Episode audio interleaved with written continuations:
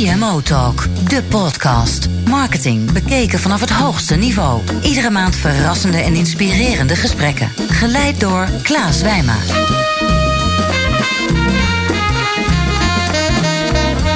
Welkom bij CMO Talk. Ik ben Klaas Wijma, oprichter van Energize en host van deze maandelijkse podcast. Luister je al wat vaker naar CMO Talk? Vind je het leuk?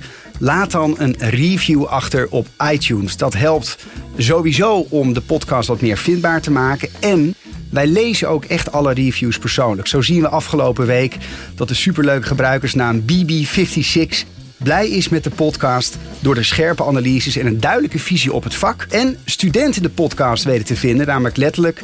CMO Talk is een van de favoriete podcasts waar studenten veel inspiratie uithalen. Dus laat van je horen, steun CMO Talk en laat een review achter. Veel dank alvast luisteraars. Verder nog wat leuk nieuws om te delen. Want uh, vorige week werden wij uitgeroepen met onze podcast als de winnaar van de Grand Prix Content Marketing Awards in de hoofdcategorie Business to Business. Daar zijn we natuurlijk super trots op. Maar dat is alleen mogelijk dankzij de CMO's, de gasten, de fans en uiteraard jullie luisteraars. Vandaag is mijn gast Alfred Levy. En Alfred en ik kennen elkaar wat langer vanuit 3MO, het bureau wat hij hiervoor heeft geleid. En Alfred is nu uh, ruim vijf jaar werkzaam als SVP Global Marketing en Media bij Ahold Delhaize. Alfred werkte gedurende zijn carrière onder meer bij Procter Gamble en richtte in 1999 het adviesbureau 3MO op. En nu dus bij de supermarkt Reus Ahold Delhaize. En daar runt hij uh, sinds drie jaar de Ahold Delhaize Marketing en Media Groep. In deze podcast, ja, en ik kan al voorspellen, het wordt een heel inhoudelijk gesprek. Ik heb er heel veel zin in.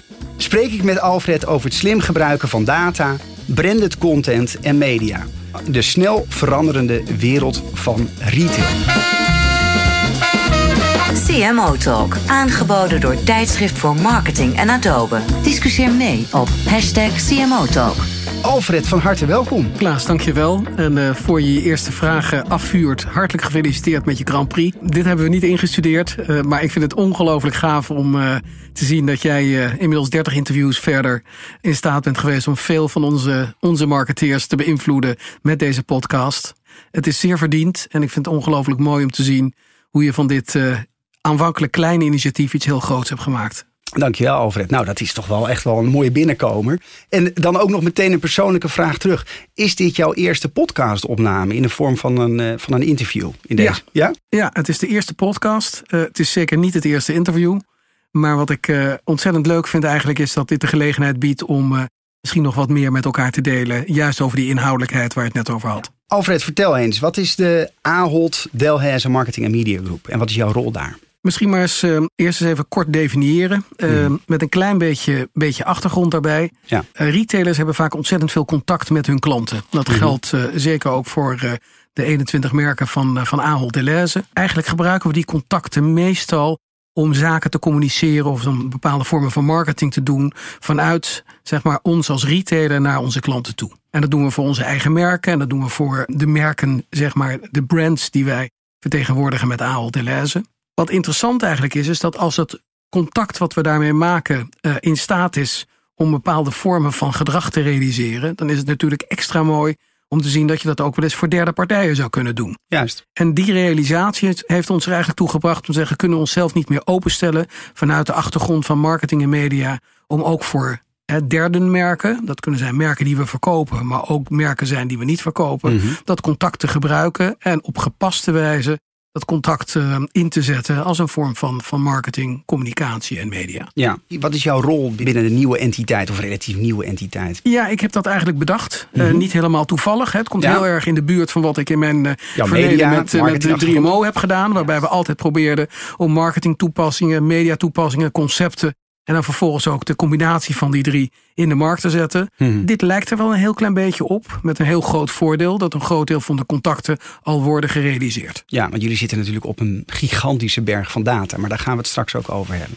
Ja, ik moet heel eerlijk zeggen. Uh, het, het uh, uitgangspunt is niet -hmm. per se data. -hmm. Het uitgangspunt is veel meer dat we contact hebben met die klanten. Eigenlijk het contact tussen klanten en laat ik me even beperken tot de Nederlandse business. Hè. Albert Heijn ja, ja. heeft er eigenlijk in al die jaren dat Albert Heijn uh, al bestaat, heeft ertoe geleid dat we klanten heel veel nieuwe dingen, heel veel nieuwe ideeën hebben kunnen laten zien.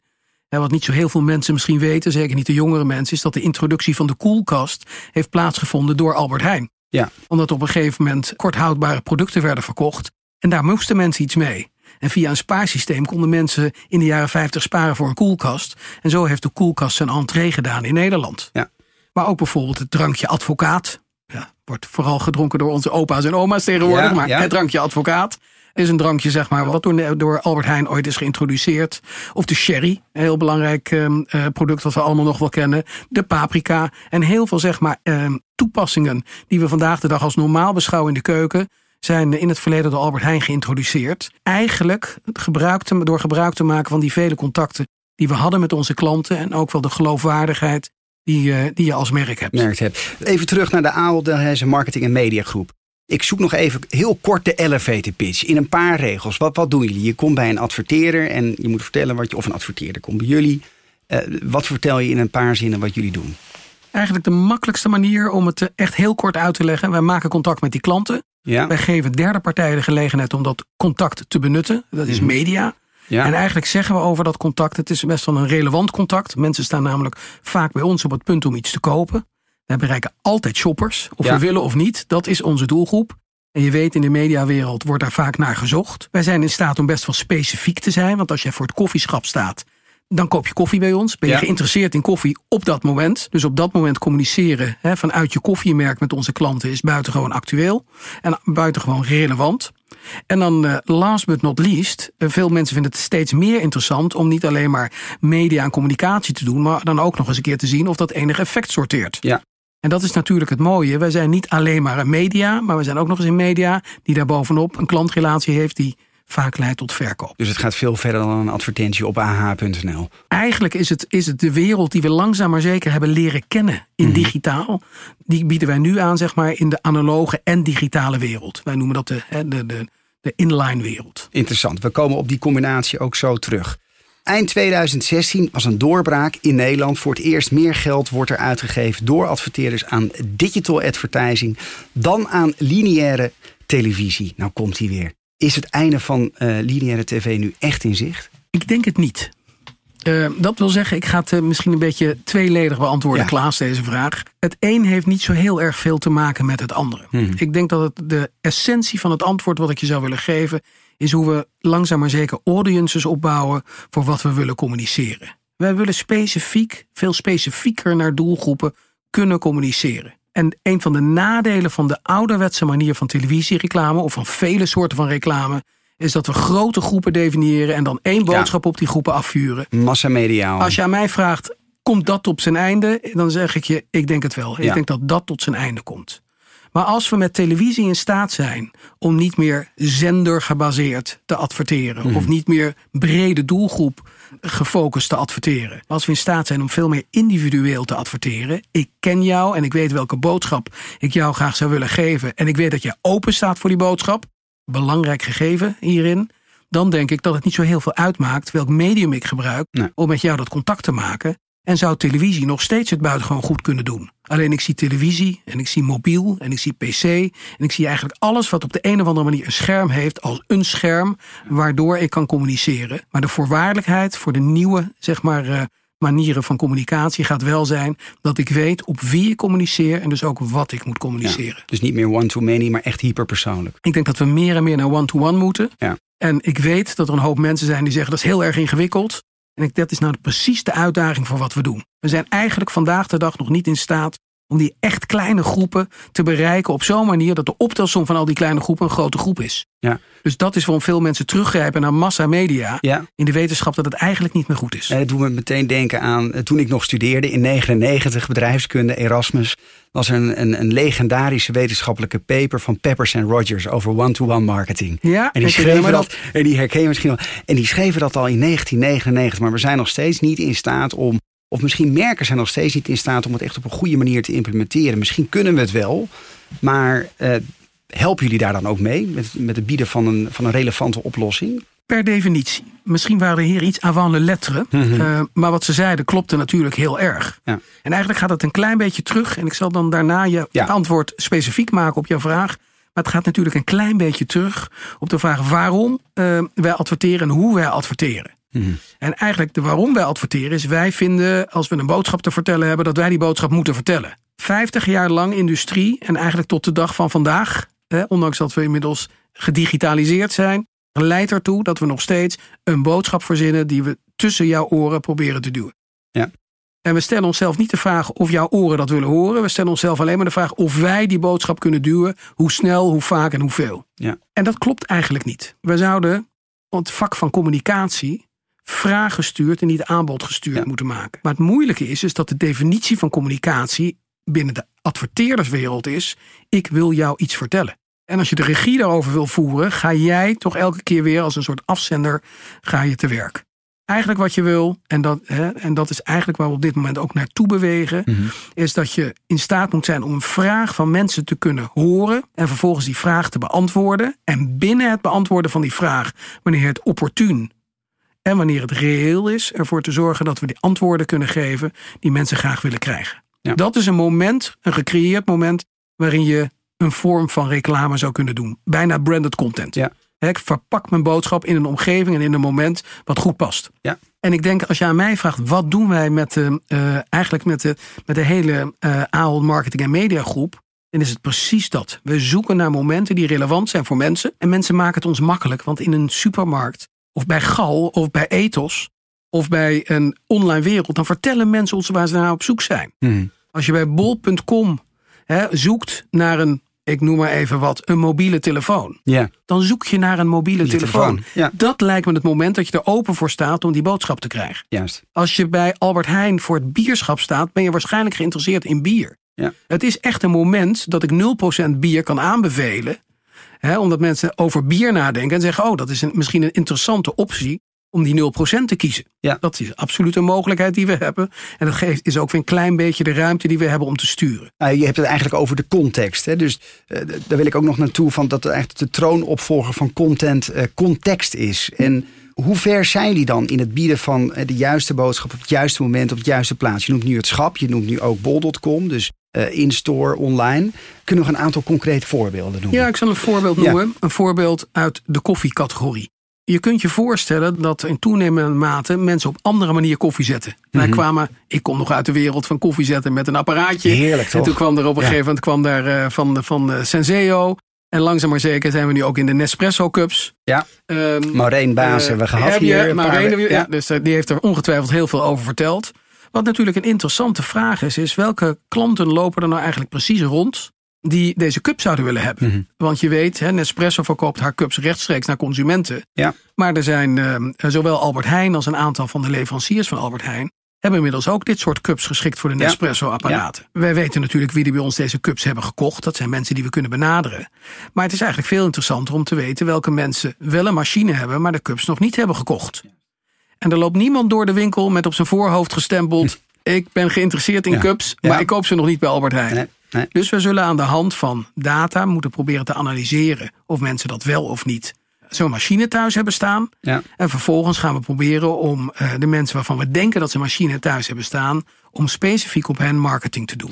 Online, met één op één marketing, Ja. eh, maar ook eigenlijk met communicatie op het schap. Want als jij geïnteresseerd bent in deze cups en je komt bij het schap, dan kun je je voorstellen dat je wel degelijk wat meer informatie zou willen hebben. En dan zijn er vragen. Hè? Mensen stellen zich de vraag: kan ik in mijn machine ook deze cup gebruiken? Ja. Dus communicatie op het schap, bij het schap, rond het schap. Deze cups zijn buitengewoon geschikt voor je Nespresso-apparaat. Geef je eigenlijk de gelegenheid dan om, om te bevestigen dat dit een product is die je zou kunnen kopen. Als je dat goed vindt, toch wel belangrijk om dat Ja. punt even te maken. Weet je, ik heb heel vaak het idee dat mensen als ze het over data hebben of als ze het over toepassingen hebben, Mhm. dat ze dan vooral denken aan zichzelf. Mm. We hebben best wel een hele, hele strikte manier waarop we daarbij kijken binnen Ahold Delhaize. En dat is dat wij vinden dat data zijn van de mensen zelf. Ja. En mensen kunnen bij ons ook buitengewoon gemakkelijk eh, aangeven of zij die data wel of niet ter onze beschikking willen stellen. En wij kunnen denk ik vrij goed aangeven wat mensen eraan hebben als ze die data met ons delen. Jullie zijn dus helemaal GDPR compliant. Wij zijn volledig GDPR Ja. compliant. En- Voor de luisteraars, de General Data Protection Regulation, wat ergens medio volgend jaar zeer streng op zal worden, worden toegezien. Ja, Maar formeel gezien is die wetgeving er al. Ja. Hè, alleen er wordt inderdaad nauwelijks op toegezien. En ik denk dat wij het een heel groot goed vinden dat er een, eindelijk eens een keer een gelijk speelveld gaat ontstaan voor iedereen. Van praktische tips tot visie. Dit is CMO Talk. Alfred en luisteraars, eh, zoals gebruikelijk leggen we altijd onze gasten een aantal stellingen voor in deze show. En de, hier komt de eerste. Zonder data geen onderscheidende marketingproposities. Daar ben ik het mee eens. En ehm, ik, ik, ga herhalen wat ik net zei en ik zal het nog Mhm. wel een beetje versterken.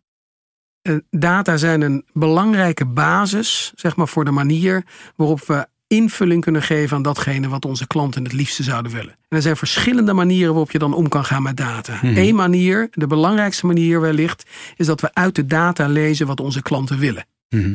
En datgene wat onze klanten willen, moeten we mogelijk maken. Ja. Dat lijkt me de basiswet van marketing, maar soms verliezen we dat wel eens uit het oog. Ja. Een van de moeilijkste dingen van data is dat je hebt data waar het de duimen dik bovenop ligt. Je kunt zeg maar, als je goed kijkt naar het gedrag van mensen in winkels, best wel zien dat er misschien wat minder vlees wordt gegeten of wat meer groente wordt gegeten. En dat, is, eh, dat kan iedereen in principe zien. Dat zijn bijna publiekelijk toegankelijke data. Mhm. Maar de vraag ligt vaak veel meer, wat ligt daar dan onder? En welk gedrag ligt daaronder? En welke oplossingen willen mensen dan? Dus als ze wat minder vlees eten, willen ze nog steeds vlees eten, maar van een betere kwaliteit? Of willen ze echt twee keer per week vlees vervangen door een ander soort van product? Mhm. En willen ze dan vervangers van vlees hebben? Of willen ze dan helemaal geen vervangers en helemaal geen vlees eten? Kortom, je moet echt wel wat dieper graven om de juiste zeg maar, elementen bloot te leggen. En op basis daarvan je nieuwe ideeën en concepten te ontwikkelen. Ja. Erger nog, hè, als ik de, de fout maak om op booking.com een reis te boeken. Dat vind ik overigens Ja. niet per se fout. Ja. Maar ik vind het wel fout dat de reis die ik heb geboekt. de volgende tien weken. Drie keer per dag terugkomt. Net alsof je vijf keer weer terug wil naar diezelfde locatie. Maar zij vinden echt niet belangrijk wat ik vind. Ik erger me er kapot aan. En ze vinden het kennelijk niet belangrijk. Omdat de statistieken laten zien. dat er altijd weer een extra reisje of twee extra reisjes op geboekt worden. En dat vind ik een beetje een minachting van mijzelf Juist. als consument. Ja. En ik vind het ontzettend belangrijk. En dat vind ik een groot goed bij uh, Ahold Delhaize. Dat we heel zorgvuldig omgaan vanuit elk van onze merken. met die contacten met onze klanten. Tegen welke concurrenten nemen jullie het op bij de marketing- en mediagroep? Mediabureaus, exploitanten, Amazon.com?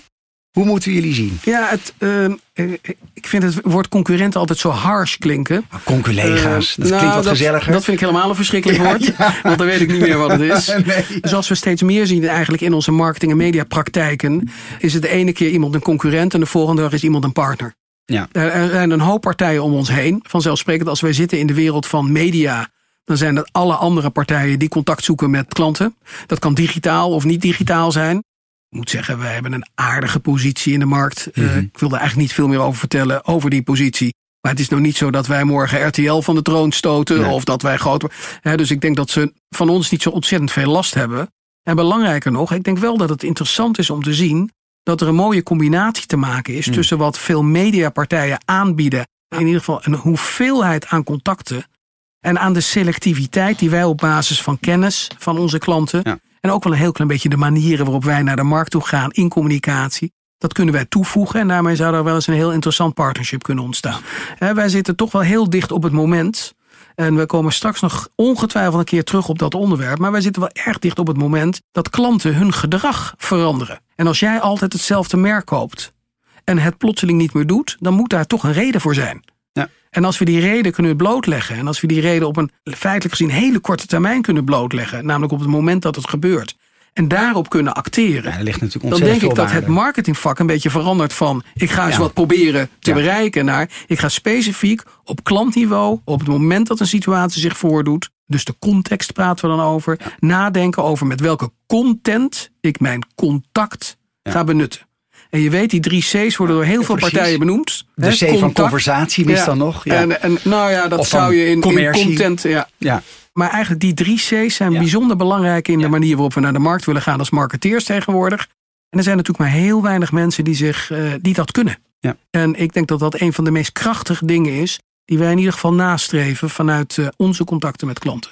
Jullie vertegenwoordigen ruim 20 merken binnen Ahold Delhaize. Dus Ja. bol.com, eh, Gal, Gal, Gal, eh Ethos, eh, nou, eh, Albert Heijn uiteraard. En natuurlijk ook op, aantal op merken niveau. in Amerika, Ja. Giant, eh, Peapod, Ja. eh, Food Lion zijn merken in Amerika, Alpha Beta, Ja. is een mooi, heel mooi merk Ja. in Griekenland, Delhaize vanzelfsprekend een prachtig Precies, merk in precies. België. Dus dat zijn veel merken. En wat mij opvalt, het zijn zowel pure online players als bol.com, eh, ah.nl, maar ook de fysieke retailkanalen. Hoe brengen jullie die twee werelden bij elkaar? Dat is een hele goede vraag. Ook niet altijd een makkelijke vraag. Hè? Uh, je weet zelf dat in onze wereld, uh, de foodwereld, nog steeds in hoge mate er eentje is van brick and mortar, zoals we dat zeggen. Je ziet dat de non-foodwereld wel ontzettend snel begint te bewegen naar ook een wereld van, van e-commerce en van digitaal. Ja. Bol.com, zeg ik altijd eerlijk, is echt een ander bedrijf dan Albert Heijn. Maar de digitalisering, dus wat er gebeurt achter de schermen, dat is eigenlijk waar we de grootste winst moeten zien te boeken. En dat komt omdat niet alleen de digitalisering in die hele wereld van non-food of van reizen of van dienstverlening een steeds grotere rol begint te spelen. En ook zeker zijn impact begint te krijgen op de foodmarket. Mm je ziet toch wel dat een paar procent van de foodmarket inmiddels een e-commerce wereld ja, is. 3 procent volgens Tussen mij de 2 en 3 procent zijn de laatste schattingen die we uit de markt krijgen. Ja. Uh, met, name, met name GFK heeft daar een, uh, doet daar veel werk op. Maar goed, het is nog geen 20 of 30 procent. Wat niet is, kan nog komen. Er zijn een hoop bespiegelingen. Daar waag ik me maar even niet aan. Uh, je kan, het kan alle kanten op. Um, maar het is natuurlijk wel zo dat de mensen, hè, onze consumenten, onze klanten, steeds vaker digitaal gaan denken. Ja. En bepaalde dingen verwachten. En ook adverteerders in zijn algemeenheid gaan steeds meer digitaal denken. Het is eigenlijk steeds vaker dat als je een advertentie plaatst, dat je jezelf de vraag stelt: uh, wat krijg ik daar nou eigenlijk precies voor terug? En dan niet in termen van uh, honderdduizend keer bereik. Nee, GRP. Uh, en zelfs niet meer, nog gelukkig een beetje wel, in termen van hoeveel mensen hebben dit nou gehoord en wat doen die mensen er eigenlijk mee. En als je dus aan mij vraagt, wat is nou de grote waarde van die online en die offline wereld samenbrengen? Precies. Dan is dat vanuit een klantbeleving dat het er eigenlijk niet toe moet doen. Nee. Eigenlijk willen we graag dat als je bij Albert Heijn komt, dat jij op elk moment van de dag kan kiezen of je een digitale oplossing wil, of je een winkeloplossing wil, of je een combinatieoplossing wil. Maar dat seamless denken, dat is wel heel ver doorgevoerd. Ja. En, um, en dat geldt ook over de manier waarop we communiceren. Want de mhm. ene keer vind je het prettig om op de winkelvloer snel en kort en bondig iets te lezen. En de andere keer wil je echt begrijpen wat er achter deze ideeën, producten, oplossingen zit dan kan ik, hoe goed of fout die attributie ook is, ik kan iets over conversie zeggen. Ja, want hoe ver zijn jullie daar al om, om die effecten off en online eh, te meten? Ja, wij kunnen dat inmiddels meten. Hmm. En uh, wij beginnen dat ook langzaam maar zeker een beetje te publiceren. Maar ik vind wel dat je daar een grote hoeveelheid data over moet hebben, want er zijn zoveel variabelen. Waar kunnen we dat vinden, Alfred? Ja, dat kan je vooral nog bij mij vinden. Oké, dus, in mijn uh, boeken. in de boeken van Al. Dus voor de luisteraars, benader Alfred vooral na deze podcast. Nee, nou, dat, dat, is wel interessant. Misschien mag ik daar nog één ding over zeggen. In de samenwerking die we hebben met um, uh, veel van de uh, partijen die bij ons een met ons digitaal uh, communicatieoplossingen zoeken, mm -hmm. bespreken wij dit wel. Ja. We proberen namelijk, hè, er is denk ik een, een misverstand over het effect van digitale advertising, met name voor producten die je niet direct converteert. Mm.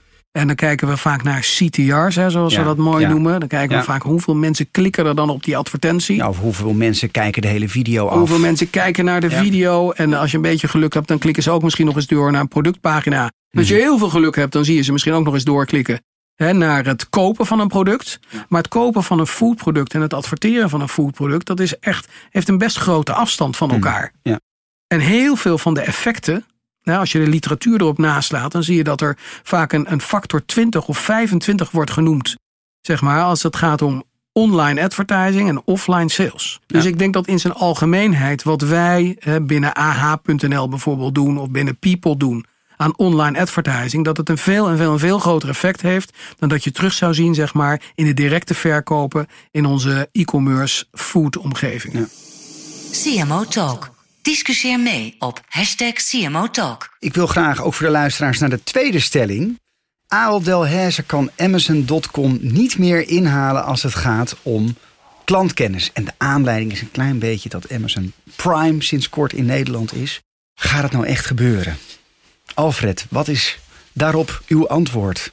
Zelfs als ik het anders zou vinden, zou ik het moeten ontkennen. Maar ik ontken dat uh, ten stelligste. Ja, vertel. ik denk ook eigenlijk dat de stelling, zeker in de context van wat wij in Nederland doen, dat die echt uh, veel meer zou moeten zijn. Is er nou iets vergelijkbaars te vinden of iets niet vergelijkbaars te vinden? Mm -hmm. Klaas, en met name, weet je, zo groot als, als Amazon is in de US. Ja. Dat is eigenlijk een beetje de positie van bol.com in, in, Nederland, in Nederland en in België. Ja. En, um, de Twinkel 100 lijst staan ze bovenaan. In de Twinkel 100 ja. lijst staan ze hoog. Nou zijn lijstjes lijstjes. Maar het is natuurlijk wel heel interessant om Bijna te zien. Bijna 1 miljard voor de luisteraars aan omzet. Dankjewel Ik heb Klaas. het gecheckt. Dankjewel. Ja. Als je kijkt eigenlijk naar het bereik van een omgeving als bol.com. Mm -hmm. Als je kijkt naar het bereik van een uh, omgeving als Albert Heijn en AH.nl. Wij bereiken elke week tussen de 97 en 98 procent van alle Nederlanders. Dat is een heel erg groot bereik. Ja. En het gaat er dus ook om dat je dat bereik op een hele goede manier exploiteert. Mhm. Als je kijkt, hè, de manier waarop bol.com zich ontwikkelt. Hè, Er worden op dit moment bijna 18 miljoen artikelen verkocht op bol.com. Als je ziet hoeveel mensen op bol.com eh, komen.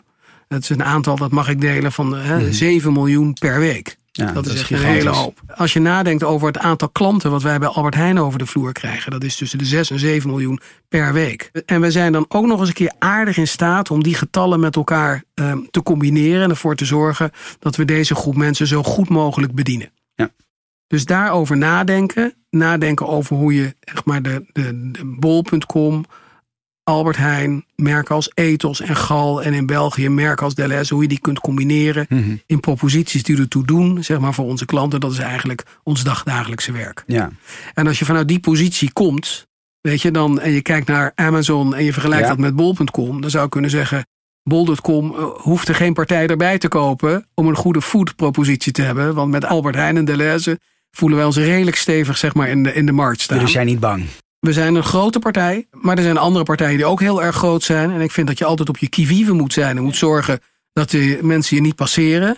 Eh, maar tegelijkertijd zeg ik dus, weet je, wij kijken goed wat deze partijen doen. Ja. Met alle respect, wat wij doen met de Ahold Marketing en Media Groep is iets wat ongelooflijk eh, lijkt op wat Amazon, Amazon ooit heeft bedacht. Ook met marketing. En, en we hebben daar zeker naar gekeken. Maar Ja. bijvoorbeeld de manier waarop wij food en non-food combineren in onze proposities. Ja. En de manier waarop wij eh, digital en non-digital combineren in onze proposities.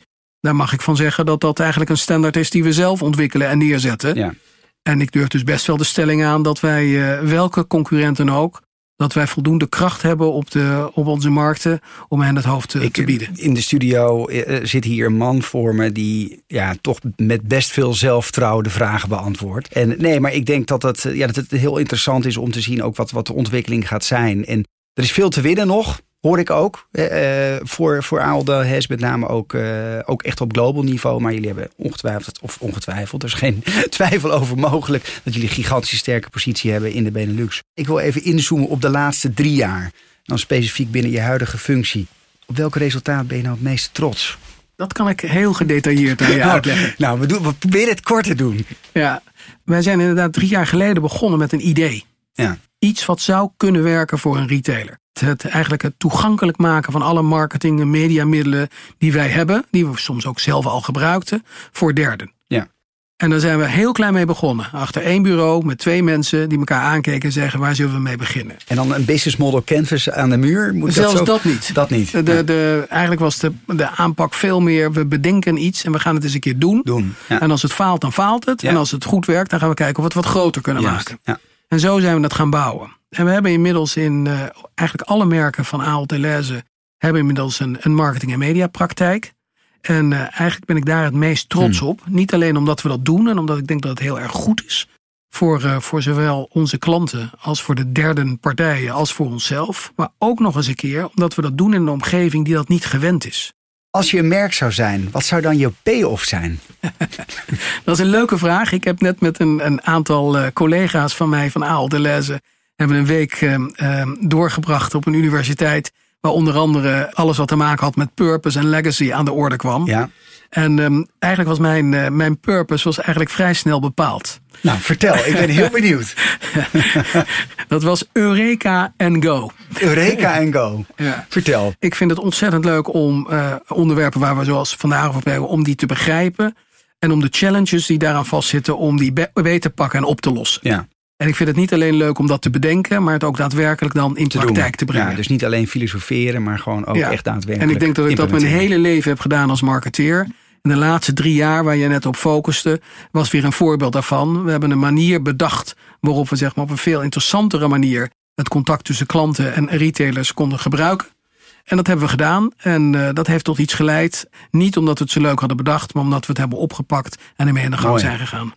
We zijn er ook uit eh, of achter gekomen dat er ook best wel wat studenten luisteren naar deze podcast. En de podcast ook gebruiken als inspiratie. Dus specifiek voor die studenten die nou, misschien bezig zijn met een scriptieonderwerp of met een, met een afstudeerrichting.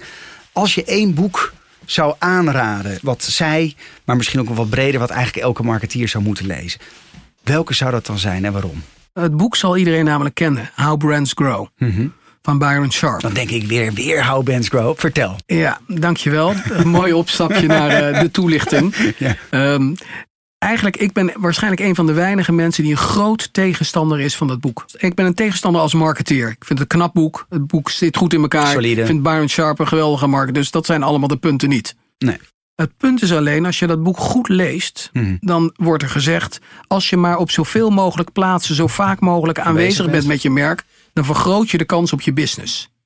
Dan zeg ik Amehula. Ja. De kunst is, zeker in een wereld waar je niet overal bent, jezelf de vraag te stellen: hoe maak ik mensen loyaal Ja. aan de propositie, aan het idee, aan het product, toepassing van het product? En hoe zorg ik ervoor dat als het er niet ligt, dat mensen aan jou vragen: leg het er alsjeblieft wel neer, want ik wil het graag hebben. Ja. En we zijn in de afgelopen 10 tot 15 jaar in het vak van marketing een beetje het raakpunt met marketing verloren. Dat is namelijk dat ik iets interessants ontwikkel in termen van product of dienst of merk, wat jij ontzettend graag wil hebben. Waar je misschien wat voor over hebt om het te krijgen. En in alle eerlijkheid, als mensen van Apple, nog steeds, ik vind Apple nog steeds een iconisch en sterk merk. Ja. Als mensen van Apple Byron Sharp lezen, dan zullen ze het wegleggen en zeggen: wij ontwikkelen producten die mensen echt graag willen. En nou weer even terug naar het boek. Want mensen moeten het toch lezen. Ik wil graag dat mensen het lezen, maar dan met in hun achterhoofd wat ik net vertelde. Ja. Vind je er nog steeds zo'n goed boek of vind je de stellingen nog steeds zo stevig als je als marketeer eigenlijk vindt dat mensen echt loyaal aan jouw merk of product Ja, moeten worden? nou, dat vind ik nou verfrissend. Heerlijk. Wat is eh, de moeilijkste beslissing die je ooit in je carrière hebt gemaakt? Ja, dat wil ik ook wel delen, want ik denk dat er ook wel een mooi leermoment in zit. Eh, ik heb eh, eh, ruim twaalf jaar het bedrijf eh, 3MO gehad. Inderdaad, net zoals ik je net vertelde over de ALT Lessen Marketing en Media Groep. Opgericht gewoon van achter een bureautje met een, dacht ik, een leuk idee. Ja. En eh, het was nog privé. Ik zat in mijn eentje en ik zat thuis en ik dacht, dit moet ik gaan doen. En het is een hartstikke mooi en leuk bureau geworden, waar ik met eh, ruim twaalf jaar ontzettend veel plezier voor, voor vele honderden opdrachtgevers heb mogen werken. En, ehm, eh, en er kwam een moment dat ik dacht, ik moet iets anders gaan doen. Hmm. En dat had te maken met het feit dat ik mezelf de vraag stelde, waar eindigt dit voor mij? Weet je, en doe ik dit nog twintig jaar en kan ik dan nog niet stoppen? En een beetje toevallig was net het moment dat Aal Deleuze voorbij kwam. Maar dat was meer een trigger dan dat het eigenlijk de, de beslissing maakte. En wat eigenlijk de beslissing maakte was dat ik mezelf de vraag stelde: zitten hier niet mensen om mij heen die het ook kunnen? Of zal dit bedrijf altijd afhankelijk zijn van mijzelf als Ja, oprichter? de founder, ja. En, als, Ja. eh, en, en een van de dingen die wij deden, dat ik ook bij jou herkende over als Klaas, is dat we elke twee jaar het bedrijf opnieuw uitvonden. Hmm. Ja. Maar het was wel altijd, kwam het vanuit mij als oprichter of founder van het bedrijf. Ja. En ik werd er een beetje onrustig over. Ja. En ik dacht, ik moet dat gaan doen. Dus het was verschrikkelijk contrekeur. Want mijn baby was een, eh, een, een, een, een volwassen persoon geworden. En deed geweldig. En ik had ontzettend veel plezier in mijn werk. Mhm. En ik denk, ik had me geen mooiere en betere baan kunnen indenken. Behoudens dan de baan die ik nu doe. Ja, Die, is, eh, die heeft zich er ook wel echt wel heel erg bewezen als een prachtige baan. mooi. En dan afscheid nemen is ontzettend moeilijk. Ja. Voor jezelf. Maar ook wel een beetje laat ik nu een tent in de steek die dan misschien over een half jaar of een jaar niet meer bestaat. Mhm. En de learning was, als je nu kijkt naar 3MO, dat is een van de beste en gezondste en leukste adviesbedrijven in de markt. Iets anders, denk ik, gepositioneerd dan vijf jaar geleden. Ik ben eh, vijf en een half jaar geleden ben ik vertrokken. Iets anders gepositioneerd, maar zeker niet minder succesvol. Met de mensen waarvan ik toen dacht, nou kunnen ze het wel? Nou, die hebben zeg maar van begin tot eind bewezen dat ze het hartstikke goed kunnen. Mooi. Op hun manier. Ja. En soms moet je de ruimte maken voor die mensen. eh, om te zien dat zij het misschien wel beter kunnen dan jijzelf. Wat is afsluitend, eh, Alfred? Wat is het beste advies dat je ooit hebt gekregen en luisteraars wilt meegeven? Ja, het beste advies, zonder enige twijfel, wat ik echt tegen iedereen zou durven zeggen, blijf dicht bij jezelf. Hmm. En ik denk dat, eh, dat in een wereld die alsmaar complexer wordt, alsmaar sneller gaat, alsmaar moeilijker is. Het moment dat je gaat proberen eh, de, het, het, het spelletje te spelen van anderen, mee te gaan met anderen. Het moment dat je probeert iets te zijn wat je eigenlijk niet bent, dan ontspoor je. En dan ga je misschien wel heel snel ontsporen. Dus als er één ding is wat ik tegen iedereen zou willen zeggen, doe datgene waarvan je gelooft dat je het echt moet doen. En hopelijk zorg je ervoor dat je daar zo goed in bent dat je het nog heel lang kan doen. Mooi. Alfred, ik wil je erg bedanken voor dit interview. En luisteraars, dank ook voor het luisteren naar de 30ste editie van CMO Talk. Nou, ben je geïnspireerd? Ben je nieuwsgierig? Wat toch een beetje marketeer moet zijn? Ga dan naar cmotalk.nl. Daar vind je dus 29 andere interviews van toppers, net als uh, Alfred Levy. Uh, je vindt ook uh, alle podcasts op Soundcloud, op iTunes. Lekker makkelijk als je een iPhone hebt. Kan je hem gewoon binnenhalen. Kan je op abonneren. En we staan uiteraard ook open voor jullie reviews en ratings. We lezen ze allemaal. Dus ik kijk ernaar uit om die allemaal binnenkort te mogen ontvangen. Alfred, nogmaals dank voor je tijd en ik wens je een fijn weekend. Dankjewel Klaas, heel graag gedaan. Het was ongelooflijk leuk om te doen. Dank voor het luisteren naar de CMO Talk podcast. Ga voor meer afleveringen naar cmotalk.nl. CMO Talk wordt aangeboden door Tijdschrift voor Marketing en Adobe en is ontwikkeld door Energize en voicebooking.com.